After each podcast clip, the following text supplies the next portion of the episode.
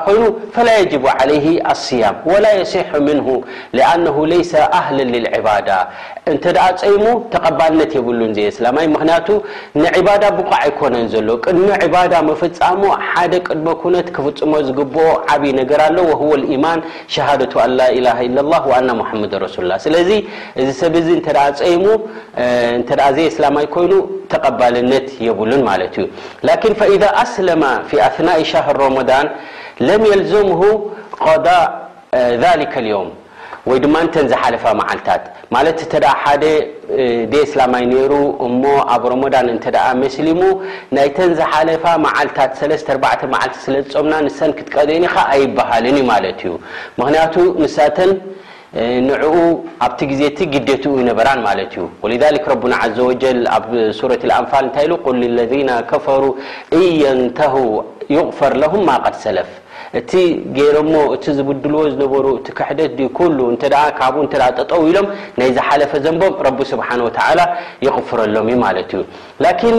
ኣብ መዓልቲ ሮመዳን ከ እንተ መስሊሙ ፍርቂ መዓልቲ ምስ ፆምና ድዩ ወይ ድማ ወጋሕታ ምስ እንከሎ ወይ ድማ ኣብቲ ናይ ኣጋ ምሸት እንተ መስሊሙ ኸኒ ወይን ኣስለማ ፊ ኣትናኢ የውምን ምንሁ ለዚመሁ ኢምሳክ በቅየት ልዮም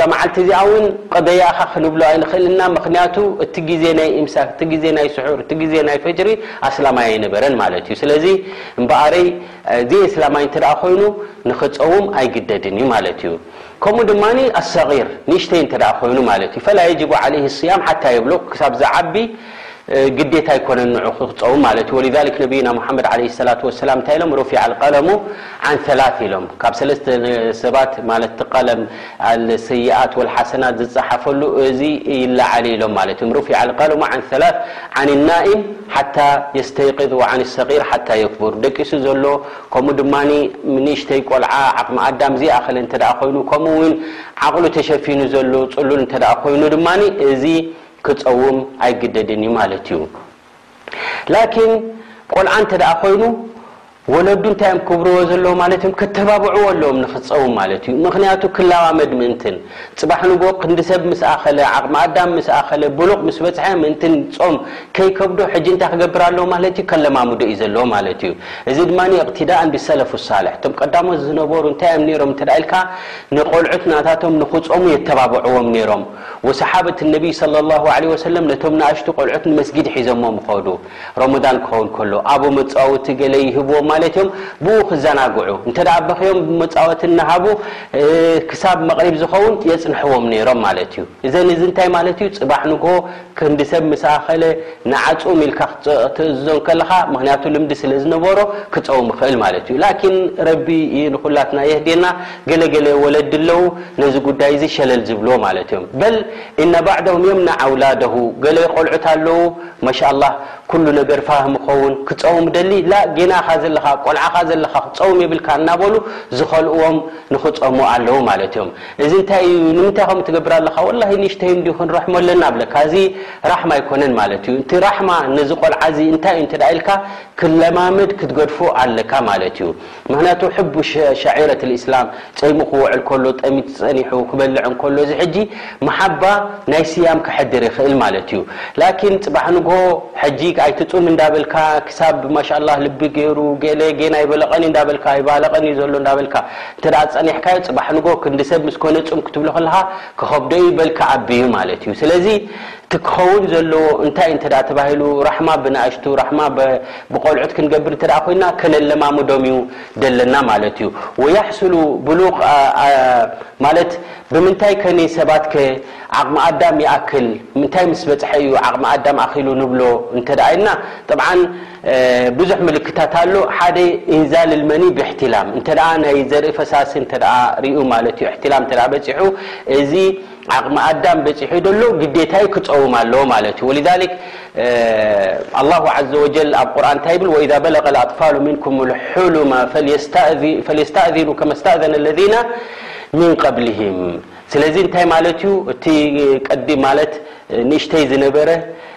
እቶም ቀ ኣብ ግዜ ብሉቕ ምስ በጽሑ ከም ድላዮም ገዛ ክኣትዉ የብሎምን ኳሕኲሖም እስትእዛን ጌሮም እዮም ክበጽሑ እዚ ክኣትዉ ዘለዎም ማለት እዮም ከምኡ ድማ ሕሉም እንተ በጺሖም ዓቕሚ ኣዳም እንተ በጺሖም ስኒ ከስተእዝኑ ኣለዎም ኢብ ረቡና ዓዘ ወጀል ኣብ ቁርኣን ከምኡ ውን ንነቢ ዓለይሂ ሰላቱ ወሰላም ቁስሉል ጁምዓ ዋጅቡን ዓላ ኩሉ ሙሕተሊም ኢዘ እምበኣር ሙሕተሊም እንተ በጺሑ ሰብ ስኒ ግዴትኡ ምዃኑ እዚ ዋጅባት እዚ በዚ ይበርሃልና ማለት እዩ። ከምኡ ናይ ዓቕሚ ኣዳም ምልክት ድማ ነባት ሻዕሩ ልዓና ወሁወ ሻዕሩ ልኸሽን ማለት ፀጉሪ ኣብ ሕፍረቱ እንተ ኣውፂኡ ሓደ ሰብ እዚ እውን ዓቕሚ ኣዳም ኣኺሉ ኣሎ ማለት እዩ። እዚ ዓይነት እዚ ግዴታ ዋጅቡ እዩ ክፀውም እዩ ዘለዎ ማለት እዩ። ነዚ መርትዖ ዝኸውን ኣብ ዮም ቁረይዳ ኣነቢ ዓለይሂ ሰላቱ ወሰላም እቶም በደለኛታትን ዓመጸኛታትን ዝነበሩ መቕጻዕቲ ከውርድሎም ከለው ብምንታይ የመሚዎም ነይሮም ማለት ዮም? ብሉቕ ዝበጽሑ እዚ ዓይነት እዚ ምልክት ዘርኣዩ ብኡ የለልይዎም፣ ይምመዩ፣ ነይሮም ማለት ዮም። ከምኡ ድማ ሳልሳይ ምልክት ድማ ብሉቕ ተማም ኸምሰተ ዓሽረ ሰና ወዲ ዓሰርተ ሓሙሽተ እንተድኣ በጺሑ እዚ ዓቕሚ ኣዳም ኣኼሉ'ዩ ማለት ዩ። ነዚ ዝኸውን መርትዖ ዓብዱላህ እብኒ ዑመር ረዲየላሁ ዓንሁማ ይብል፣ ናብ ነቢ ዓለይሂ ሰላቱ ወሰላም ከይደ ቐዝወት ኡሑድ እናተዳለዉ እንከለዉ እሞ ምስኣቶም ክሳተፍ ምስ ደለኹ፣ ኣብ ቐዝወት ኡሑድ ላእ ንእሽተይ ኢኻ ዘለኻ ኢሎም መሊሶምኒ። ኣብቲ ግዜ እቲ ዓሰርተ ኣርባዕተ እዩ ነይሩ ዕድመይ ይብል ማለት እዩ። ከምኡ ኣብ ሪዋያ ኣብ ካሊእ ሪዋያ ድማ እንታይ ኣሎ፣ ወለም የረኒ በለቕት። ኣየኣበቓዕካን ማለት ዓቕሚ ኣዳም ኣይኣኸልካን ኢሎም ኣነቢ ዓለይሂ ሰላቱ ወሰላም መሊሶምዎ። ንዓመታ ቐዝወት ኣልኸንደቕ ምስ ኮነ ላኪን ዓሰርተ ሓሙሽተ ዓመት ምስ ኣኸልኩ ፈኣጃዘኒ ይብል ኣነቢ ዓለይሂ ሰላቱ ወሰላም ኣፍቂዶምለይ ይብል። ስለዚ እምበኣረይ ብሉቕ እንተ በጺሑ ሓደ ሰብ እንታይ ክእዘዝ ኣለዎ ማለት እዩ? ስያም ንኽጸውም ክእዘዝ ኣለዎ ማለት እዩ። ጓል ኣንስተይቲ እንተ ኾይና ድማ ልክዕ ከምዚ ዝጠቐስናዮ እቲ ክልተ ወይ ድማ ሰለስተ ምልክትን ከምኡ ዝያዳ ድማ ኢዛ እንተ ሓይድ እንተ በጺሓ ማለት ጽግያት ናይ ኣዴታታ ደም እንተ ጀሚራ ድማ እዚ ድማ በቒዓ ኣላ ማለት እዩ ዓቕሚ ኣዳም ኣኺላ ኣላ ክትጸውም ግዴታኣ ይኾና ማለት እዩ ስለዚ እምበኣርይ እዚ ዓይነት እዚ ዝበቕዑ ሰባት እንተ ኮይኖም ክጸሙ ግዴትኦም እዩ ማለት እዩ እንታይ ኢልና ማለት እዩ ኣል ማለት ኣስላማይ ክኸውን ኣለዎ ግዴትኡ ክኸውን ማለት እዩ ንስያም ከምኡ ድማ ብሉቅ ኢልና ዓቅሚ ኣዳም ድበጽሐ ክኸውን ኣለዎ ምልክት ናይ ዓቅሚ ኣዳም ድማ ጠቂስና ማለት እዩ ሳልሳይ ድማ ማለት ዘይግደዱ ሰባት ብስያም ማለት እዮም። እንተ መጅኑን ኮይኑ ወይ ድማ ዓቕሉ ዝተሸፈነ፣ ዝተኸወለ፣ እንተ ኮይኑ እዚ ድማ ክጸውም ግዴትኡ ኣይኮነን ማለት እዩ። ከምቲ ሓዲስ ዝጠቐስናዮ ሩፊዐ ኣልቀለሙ ዓን ሰላስ ካብኣቶም መን ዘኪሮም ኣነቢ ዓለይሂ ሰላቱ ወሰላም ኣልመጅኑን ሓታ የፊቅ ኢሎም ማለት እዮም። እንተ እዚ ዓቕሉ ዝሽፈን ሰብ እንተ ኮይኑ ክጸውም ግዴትኡ ኣይኮነን። ምኽንያቱ ንስያም ሓደ ሸርጢ ክማላእ ዘለዎ እንታይ እንተ ተባሂሉ ንያ የድልዮ ማለት እዩ። ንያ መን እዩ ክገብር ዝኽእል ማለት እዩ ዓቕሊ ዘለዎ ዓቕሊ ዘይብሉ እንተ ኮይኑ ንያ ክገብር ኣይክእልን እዩ ማለት እዩ ወነቢ ዓለይሂ ሰላቱ ወሰላም ኢነመል ኣዕማሉ ቢንያት ወኢነማ ሊኩሊ ምርኢን ማ ነዋ ኢሎም ዝኾነ ይኹን ስራሕ ተቐባልነት ንኽህልዎ ንያ ክህልዎ ኣለዎ ንያ ዘይብሉ እንተ ኮይኑ እቲ ስራሕ ተቐባልነት የብሉን ስለዚ ዓቕሉ ዝተሸፈነ እንተ ኮይኑ ማለት ኣእምርኡ ዝሰሓተ እንተደኣ ኮይኑ እዚ ንያ ክገብር እውን ስለ ዘይክእል ክጸውም ግደትኡ ኣይኮነን ማለት እዩ። ግን ገለ ገለ ሰባት ኣለዉ ሓንሳብ ደሓን ይኸውን ሓንሳብ ድማ ይምለሶ እቲ ሕማም እንተደኣ ኮይኑ ኣብቲ ዓቕሉ ምሉእ ኣብ ዝኾነሉ ግዴታ ክጸውም ኣለዎ ማለት እዩ። ኣብቲ ዓቕሉ ዘይብሉ ግዜ ድማ ኣይግደድን እዩ ምኽንያቱ ከምቲ ዝጠቐስናዮ ንያ ስለ ዘድልዮ ማለት እዩ። እዚ ሓደ ካብቶም ክጾሙ ዘይግደዱ ማለት እዩ። ከምኡ ድማ ክጾሙ ዘይግደዱ ኣልሃሪም ይብሉ፣ ኣለዚ በለቀ ኣልሃዘያን ማለት ዕድሚኡ ደፊኡ ዓብይ ኮይኑ ክሳብ ክመሚ ዘይክእል ደረጃ እንተ በጺሑ ድማ እዚ እውን ኣይግደድን እዩ ማለት እዩ። ፈላ የጅቡ ዓለይህ ስያም በል ወለልኢጥዓም ዓንሁ ኢሎም። ምኽንያቱ ዓቕሚ ኣዳም ማለት ዕድሚኡ ደፊኡ ነዊሕ ኮይኑ ኣሪጉ ልቡ ኣጥፊኡ ወላ ሓንቲ ዝገብሮ እውን ዘይፍለጦ እንተ ኮይኑ እዚ ወላ ሓንቲ ነገር ኣይግደድን እዩ ምኽንያቱ ተካሊፍ የብሉን ማለት እዩ ልክዕ ከም ቆልዓ ክምሰል ይከኣል ማለት እዩ ከምቲ ንቆልዓ ኢጥዓም ክትገብር ክትገብረሉ ኣለካ ኢልና ዘይግደድ ከምኡ ድማ ክጸውም ኣለዎ ኢልካ ዘይግደድ እዚ ውን ናቱ ደረጃ ደሓዘ ይብል ሸኽ ሙሓመድ ብን ሳልሕ ኣል ዑሰይሚን ማለት እዩ ራሕመቱላህ ዓለይህ ኢዘን እዚኣቶም ንክግደዩ ንክጸሙ ዘይግደዱ እዮም ከምኡ ድማ ብሓምሻይ ደረጃ ማለት እዩ ኣል ዓጅዝ ዓን ስያም ዓጅዘን ሙስተሚረን ላ ዩርጃ ዘዋሉሁ ማለት ክእለት ዘይብሉ እንተ ኮይኑ ሓደ ሰብ ንኽጸውም እሞ ብሕክምና ይኹን ብገለ ይኹን መድሃኒት ጌርካ ክፍወስ ዘይክእል እንተ ኮይኑ ቀጻሊ ዝኾነ ሕማም ዘለዎ እንተ ኮይኑ እዚ ውን ግዴትኡ ኣይኮነን ንኽጸውም ማለት እዮም ገለ ገለ ሰባት ኣለዉ ከቢድ ሕማም ዘለዎም ከዕርፉ ዘይክእሉ ካብ መግቢ ጸጸኒሑ ወይ ማይ ክሰቲ ዘለ ወይ ድማ በብእዋኑ ፈውሲ ዝወስዱ እንተደኣ ኣሎ ኮይኑ እሞ ድማ ንነዊሕ ዓመታት እውን ዝቕጽል እንተደኣ ኮይኑ እዚ ሰብ እዚ ላ የጅብ ዓለይህ ስያም ፈላ የጅቡ ዓለይህ ስያም ሊኣነሁ ላ የስተጢዕሁ ምኽንያቱ ክእለት ስለ ዘይብሉ ግዴታኻ እዩ ክትጸውም ወላ ሓሚምካ ከለኻ ክንብሎ ኣይንኽእልን ኢና ማለት እዩ ኣላሁ ዓዘ ወጀል እውን ኣብ ቁርኣን ኣብ ሱረት ተቓቡን እንታይ ኢሉ ፈተቁ ላሃ መስተጣዕቱም ከምኡ ውን ኣላህ ስብሓን ወተዓላ እንታይ ኢሉ ላ ዩከልፉ ላሁ ነፍሰን ኢላ ውስዓሃ ኣብ ሱረት ልበቀራ እዚ ድማ ማለት እዩ ስለዚ ሓንቲ ነፍሲ መዓስ እያ ትግደድ እንተ ተባሂሉ እንተ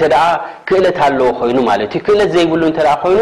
ኣይግደድን እዩ ማለት እዩ ላኪን እንተ ሕማም ኣለዎ ኮይኑ እሞ እዚ ሕማም እዚ ድማ ዘይሓዊ ኮይኑ ቀፃሊ እንተ ኮይኑ